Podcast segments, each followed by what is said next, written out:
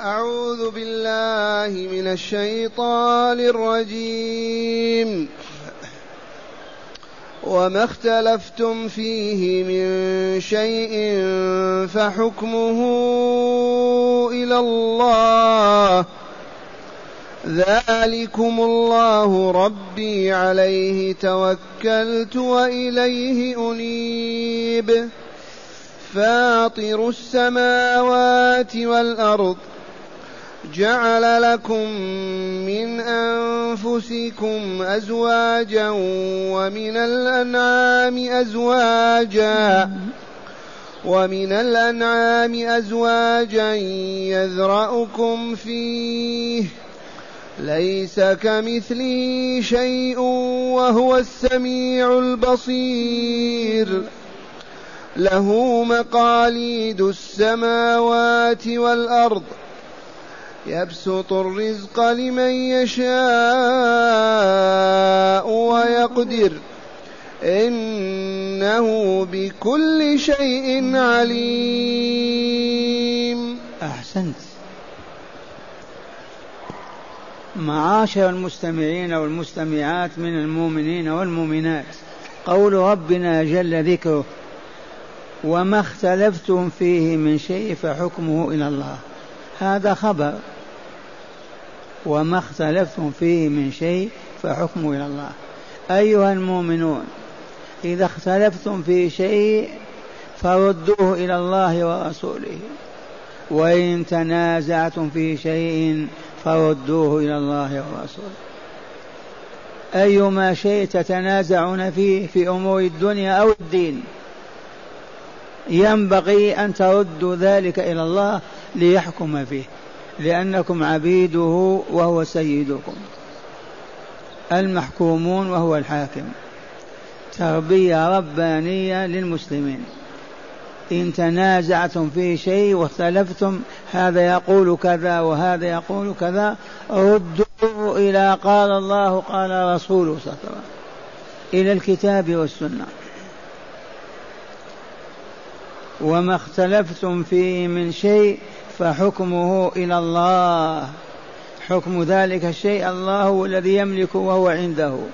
فردوا إليه يبين لكم الحكم الذي هو خير لكم. وقوله تعالى ذلكم الله ربي. هكذا يقول الرسول صلى الله عليه وسلم ذلكم الله ربي عليه توكلت وإليه أنيب. هذا الذي تردون اختلافكم إليه. هو ربي خالقي ورازقي. عليه توكلت في شأني كله وإليه أنيب أي أرجع في كل ما أحتاج إليه. هكذا يعلم الله تعالى رسوله صلى الله عليه وسلم. وما اختلفتم فيه من شيء فحكمه إلى من؟ إلى الله. من هو ربي؟ ذلكم ربي. ذلكم الله ربي. عليه توكلت. لا على غيره. لا الأصنام ولا الأحجار ولا ولا ولا. وحده توكلت عليه وفوضت أمر إليه. وإليه أرجع في كل شأني. وإليه أتوب وأنوب وأرجع إليه عز وجل. هكذا يواجه رسول الله صلى الله عليه وسلم أهل مكة مشركين ومؤمنين. ثم قال تعالى فاطر السماوات والأرض. أي ربي الله فاطر السماوات والأرض. ومعنى فاطر خالق على غير مثال سابق. فطر يفطر إذا خلق شيئا لم يكن له نظير أو مثيل في السابق. الحمد لله فاطر السماوات والأرض أي خالقهما على غير مثال سابق. ما سبق سماوات أخرى وخلق هذه بعدها تكون على مثلها. وإلا ما قال فاطر الله الله ذلكم الله ربي عليه توكلت والأنيب فاطر السماوات السبع والأرض أي خالقهما على غير مثال سابق. إذ لم تكن السماوات موجودة والله العظيم. ولا كانت الأرض موجودة والله العظيم. فأوجد السماوات السبع وأوجد الأرض. هل هناك مثال خلق عليه؟ أبدا. ولهذا قال فاطر السماوات. ما قال خالق السماوات أو صانع السماوات. فاطر فاطر السماوات والأرض جعل لكم من أنفسكم أزواجا. أيها الرجال نساؤكم بناتكم خلقهم. أولا خلق حواء من آدم. أولا خلق حواء من ضلع آدم الأيسر. خلق منها زوجه وإلا لا. والبشرية كلها ذرية آدم. النساء والرجال. من خلق هذا؟ من خلق لنا أزواجا نغشاها وتلد لنا وتربي أولادنا. خلقنا شيئا نحن لو اجتمع البشرية كلها تخلق إنسانا تخلق مرأة فقولوا آمنا بالله. جعل لكم من أنفسكم أزواجا ومن الأنعام أزواجا. ثمانية أزواج. الإبل البقر الغنم الضان المعز. أزواج وإلا لا؟ البغى البعير الناقة ما لها بعير. جمل البقرة لها ثور. النعجة لها كبش العنز لها تيس وهكذا.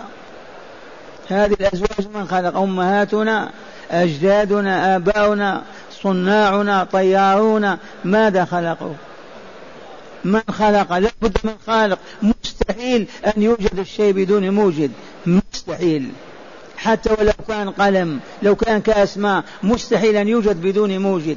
فمن أوجد هذه العوالم إنه الله رب السماوات والأرض رب العالمين. ويل للكافرين به المكذبين له. ومن الأنعام أزواجا لما سميت الأنعام من النعم. كلها من صالحنا نركب ناكل نشرب نت... وهكذا. أنعام من نعم الله. وهي ثمانية أزواج. ثم قال تعالى ومن الأنعام أزواجا يذرأكم في أن يخلقكم في ذلك البطن أو ذلك الرحم. ليس كمثله شيء. تأملوا هذه. ليس مثل الله شيء. ليس مثل الله شيء. والله لا يوجد في الكائنات من يكون مثل الله. مستحيل. أخالق الأشياء يكونون مثله يكون فيهم من هو مثله. مستحيل. على سبيل المثال صانع هذه الآلة تكون هذه الآلة مثله؟ ممكن؟ مستحيل. صانع هذه الغطرة يمكن تكون مثله حتى صنعها ليس كمثل الله والله شيء في الكائنات كلها. لأن الكائنات كلها مخلوقة له وإلا لا فهل يكون الخالق كالمصنوع المخلوق؟ هل هذه هذه القبة كصانعها لها عقل ولها دين ولها كذا؟ مستحيل. ليس كمثله شيء. لا في ذاته ولا في صفاته ولا في أفعاله أبدا. قل الله أحد. لا نظير له ولا مثيل. ليس له كفوا أحد. فلهذا ليس كمثله شيء وهو السميع البصير. وهو السميع البصير. السميع لأقوال مخلوقاته من النملة إلى ما شئت تقول كل من له صوت الله سميع به. في الكون كله. بصير لا يخفى ولا يتغطى عنه شيء أبدا. قولوا آمنا بالله. ولا عجب. وهو وما قدر الله حق قدره والأرض جميعا قبضته يوم القيامة والسماوات مطويات بيمينه فالكائنة كلها بين يديه كيف لا يسمع أصواتها أو لا يرى ذواتها وهي بين يديه كالنملة بين أيدينا لا إله إلا الله ومعنى هذا معشر المستمعين يجب أن لا ننسى هاتين الصفتين فلا نتكلم إلا بما يرضي الله. لا نتكلم بما يغضب الله. لا ننظر إلى ما يسخط الله بل ننظر إلى ما يحب الله لأنه السميع البصير. فتتكون فينا ملكة التقوى ونصبح من الأتقياء أولياء الله عز وجل. ليس كمثله شيء. وهو السميع البصير ليس كمثله في ذاته ولا في صفاته لا في كلامه ولا ولا في هو نسب إلى نفسه القدم وإلى لا ولكن مستحيل أن يكون قدم الله كأعظم المخلوقات لا يمكن أن يشبه أبدا. نسب إليه اليدين وإلا خلق آدم بيديه لكن لا تتصور أن يدي الله كيدي مخلوقاته مستحيل ولا يمكن أن تدركها. ما عليك إلا أن تقول آمنت بالله آمنت بالله. أخبرنا أنه صنع خلق آدم بيديه نقول آمنا بالله. أما نفكر في يد الله مستحيل أن تدرك هذا. ليس كمثله شيء وهو السميع البصير. ثم قال تعالى له مقاليد السماوات والأرض. المقاليد جمع إقليد كالمفاتح جمع مفتاح مفاتيح الخزائن في الكون كلها بيد الله. فلم يبق لك مجال أن تسأل غير الله أبدا ولا حبة عنب أو تمر. مقاليد السماوات بيد من؟ والمقاليد مفاتيح الخزائن. إذا المفاتيح الخزائن عنده من يفتح ويدخل ويخرج لنا منها؟ ومعنى هذا لا تسأل غير الله أبدا. وإن سألت غير الله أخطأت وكذبت وأنت مبطل. إذ لا يملك تلك الخزائن ومفاتيح إلا هو. ومعنى هذا ارجعوا إلى الله في دعائكم وتضرعكم ونداءاتكم. ربنا ربنا أعطينا هب لنا أكرمنا. إذ لا يملك شيء إلا هو. له مقاليد السماوات والأرض. مفاتيح الخزائن فيها. ومعنى هذا لا نسأل غير الله. نجوع نكاد نموت بالجوع. ما نقول غير ربي يا فلان أعطيني. لكن يجوز إذا كان بينك وبين إنسان قرب يسمعك ويراك ويقضي عليك يجوز. لا بأس أعطيني ما أعطيني طعام. أما أن تسأل غير الله فلا يصح أبدا ولا يستجاب لك. له مقاليد السماوات والأرض. يبسط الرزق لمن يشاء ويقدر.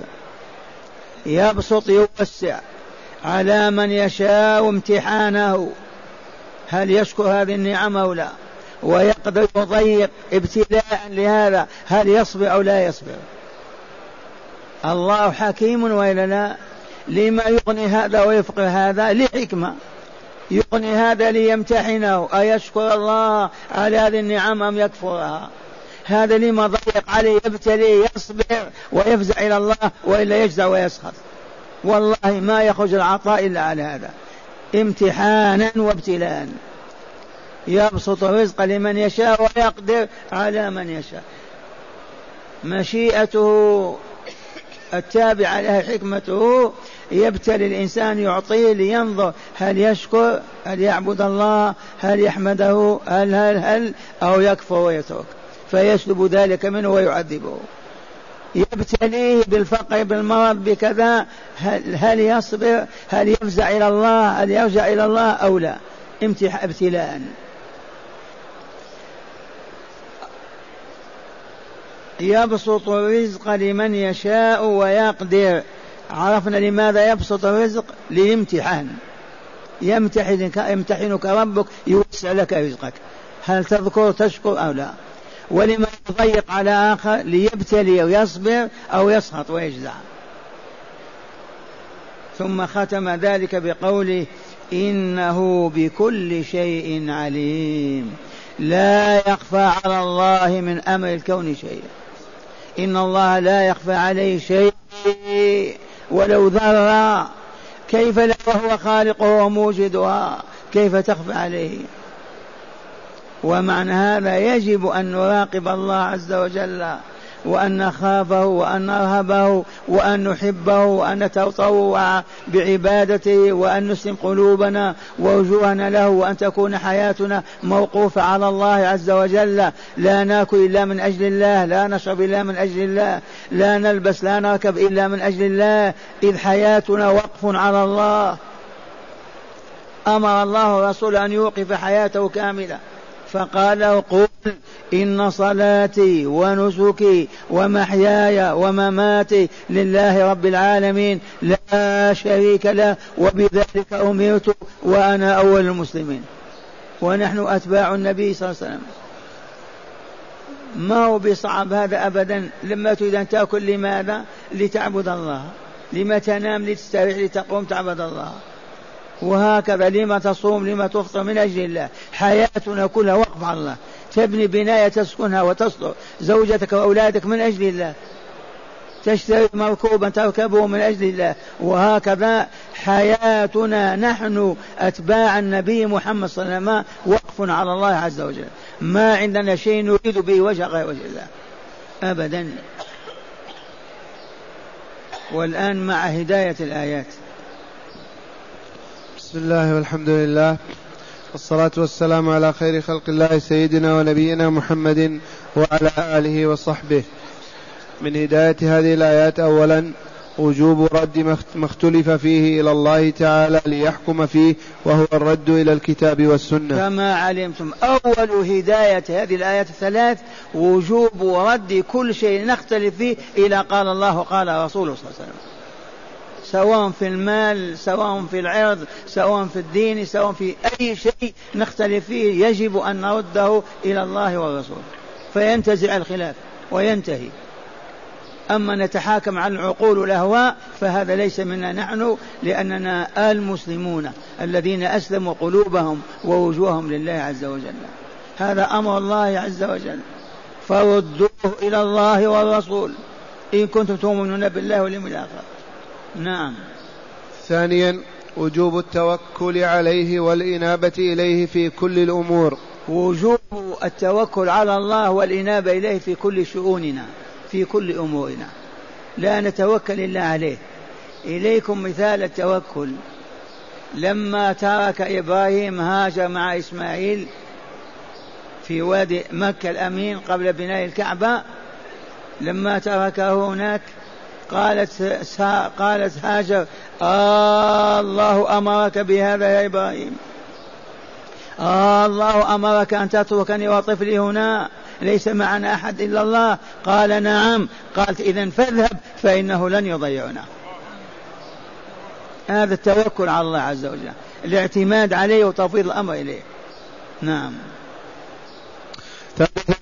تنزيه الله تنزيه الله تعالى عن مشابهته لخلقه مع وجوب الإيمان بأسمائه الحسنى وصفاته العليا. من هداية الآيات تنزيه الرب تبارك وتعالى عن صفات المخلوقات. لا توجد صفة في المخلوقات من صفات الله أبدا. ذاته ليست كذوات الذوات وصفاته ليس كصفات المخلوقات. سمعه بصره كلامه كل هذا لا يشبه شيء من مخلوقاته ليس كمثله شيء. نعم.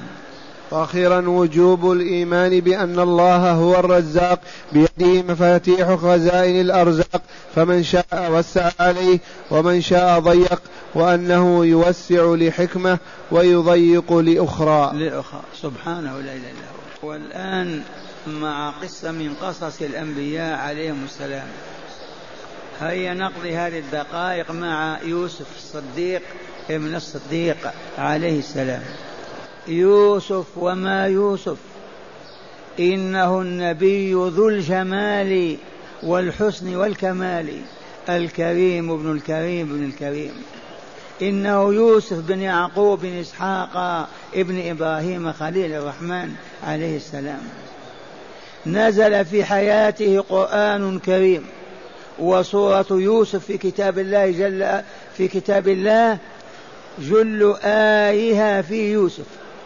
إذ قد قصته من يوم أن قال لأبيه إني رأيت أحد عشر كوكبا والشمس والقمر هم الساجدين إلى أن جمع الله تعالى إخوته وأباه وخالته وأجلسهما على سرير ملكه. وقال عندها ربي قد آتيتني من الملك وعلمتني من تأويل الأحاديث فاطر السماوات والأرض أنت وليي في الدنيا والآخرة. توفني مسلما وألحقني بالصالحين. وهذه مواقفه وآثار كماله وما وهبه الله تعالى على صبره وطاعته لرب عز وجل. وأولها أول مواقفه رؤياه منامته التي رأى رآها وقصها على أبيه إذ قال تعالى عنه في كتابه إذ قال يوسف لأبيه يا أبت إني رأيت أحد عشر كوكبا والشمس والقمر رأيتهم لي ساجدين. وما ترتب على هذه الرؤيا من حب يعقوب له وما ترتب على هذا الحب من تألم إخوته وحزنهم الأمر الذي جعلهم يكيدونه ويبيعونه كعبد رقيق. إنهم لما ألقوه في الجب وجاءت سيارة فاستخرجوه من البئر قال إخوته لهم هذا عبد لنا أبق وشرد عنا نبيعكموه فباعوه بثمن بخس. وثانيها لما اشترته. لما اشترته السيارة القافلة باعوه في مصر لوزير يقال له قطفير العزيز. فتفرس فيه الخير. فقال لامرأته زليخة أكرمي مثواه عسى أن ينفعنا أو نتخذه ولدا. وعليه فقد أصبح يوسف سيدا في ذلك البيت يجل ويكبر ويحترم. ثالث مواقفه إنه إنه لجمال يوسف وكماله الذي يضرب به المثل. أحبته امرأة العزيز وطلبت منه أن يجامعها فرفض لأنه ولي الله. فتألمت لذلك وكادت تضربه وكاد يضربها ولكن الله تعالى حفظه. كما قال تعالى فهمت به أي لتضربه وهم بها أي ليضربها.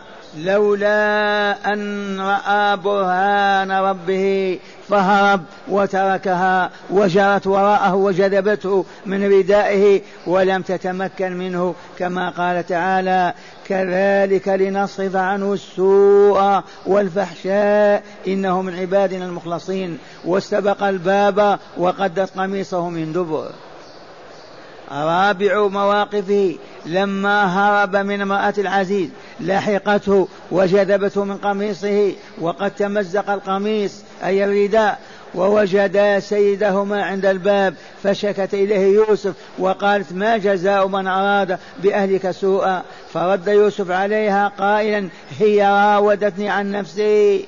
وشهد شاهد من أهلها فقال إن كان قميصه قد من دبر فكذبت وهو من الصادقين. وإن كان قميص قد من قبل فصدقت وهو من الكاذبين. لأنه الهاب أخذته من وراء وهي التي تجري وراءه. قال نعم فلما رأى السيد القميص مقطوع من دبر أي من وراء قال لها إنه أي هذا من كيدكن إن كيدكن عظيم. وقال ليوسف أعرض عن هذا وقال لزليخة استغفري لذنبك إنك كنت من الخاطئين.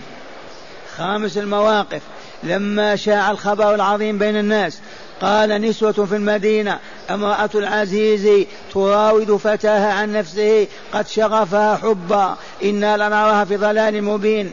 فلما سمعت بمكرهن أرسلت إليهن أي جمعتهن في بيتها وأعدت لهن طعاما كحفل لهن وقدمت لهن فواكه وأعطت كل واحدة منهن سكينا ليأكلن به الفواكه. وقالت ليوسف اخرج عليهن فخرج عليهن. فلما رأينه أكبرنا وقطعن أيديهن لانشغالهن بالنظر إلى يوسف الذي هو أجمل بني آدم. وقلنا حاشا لله ما هذا بشرا إن هذا إلا ملك كريم. قالت فذلكن الذي لمتنني فيه. أي لما راودته عن نفسه فهو الآن بين أمرين. إما أن يفعل ما أمره به وإما أن يسجن ولا يكون من الصاغرين. سادس المواقف. إنها اخت... إنها إنها اختباء أي سادس المواقف. إنها اختباره للسجن على ما دعي إليه من المحرم.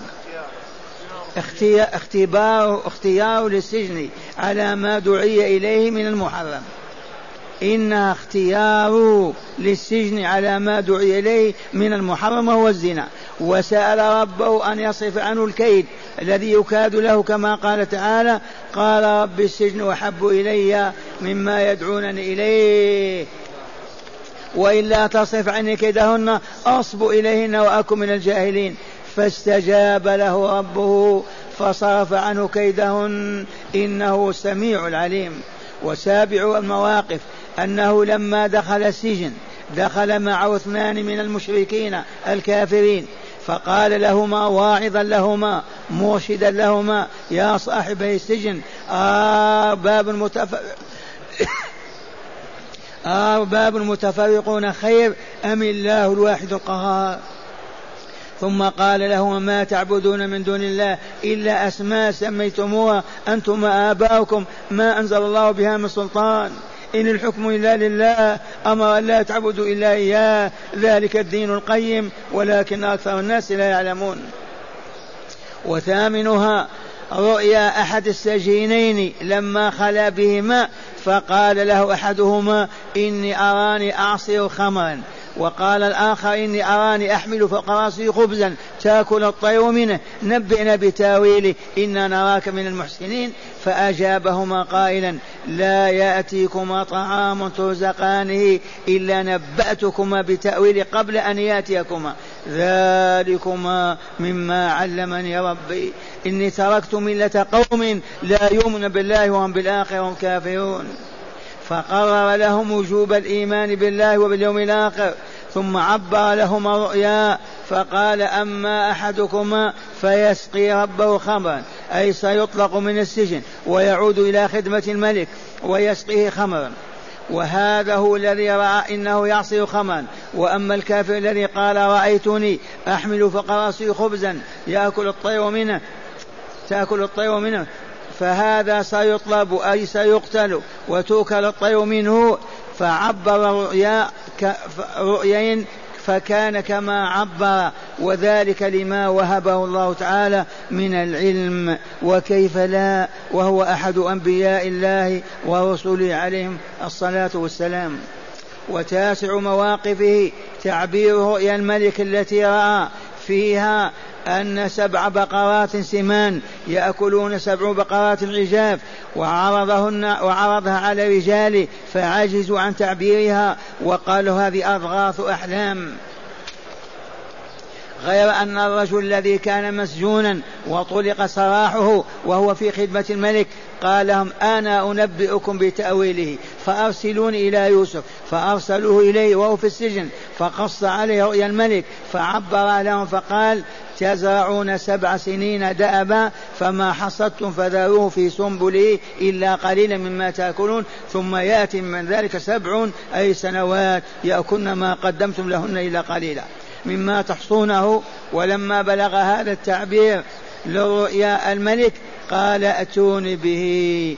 أستخلصه لنفسي فجيء به إليه واجلسه إلى سريره وقال له إنك اليوم لدينا مكين أمين. فقال له يوسف عليه السلام اجعلني على خزائن الأرض وزير المال إني حفيظ عليم. قال تعالى وكذلك مكنا ليوسف في الأرض يتبوأ من حيث يشاء نصيب برحمتنا من نشاء ولا نضيع أجر المحسنين. وأصبح يوسف مالكا في الديار المصرية.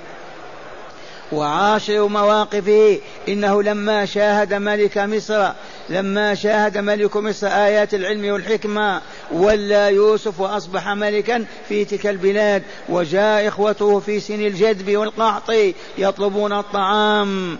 حصلت بينه وبينهم لقاءات وأعمال. نهايتها أن جمع الله تعالى بين يوسف وأبيه وإخوته وهو على سرير الملك وتجلت ليوسف عليه السلام آيات في إكرامه وإسعاده ففزع إلى الله تعالى وقال ربي قد آتيتني من الملك وعلمتني من تأويل الأحاديث فاطر السماوات والأرض أنت ولي في الدنيا والآخرة توفني مسلما وألحقني بالصالحين واستجاب الرب تبارك وتعالى وتوفي مسلما. وألحق بالصالحين. والآن ثمرة هذه القصة اليوسفية على صاحبها أفضل الصلاة وأزكى السلام. هي أولا صدق رؤيا يوسف التي رآها في صباه فقد كانت أحداث أربعين سنة.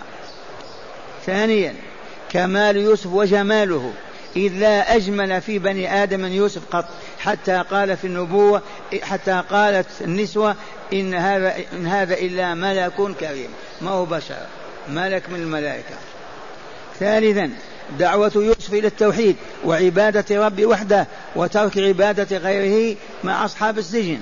رابعا بيان أن بيان ما آتى الرب تعالى عبده يوسف من العلم والحكمة قبل النبوة والرسالة. خامسا وجوب شكر النعم لله تعالى إذ يوسف عليه السلام لما جلس على سير الملك وجمع الله له بينه وبين أبويه وإخوته قال ربي قد آتيتني من الملك وعلمتني من تأويل الأحاديث فاطر السماوات والأرض أنت ولي في الدنيا والآخرة توفني مسلما وألحقني بالصالحين. وهذا هو الشكر والله أسأل أن يجعلنا من الشاكرين.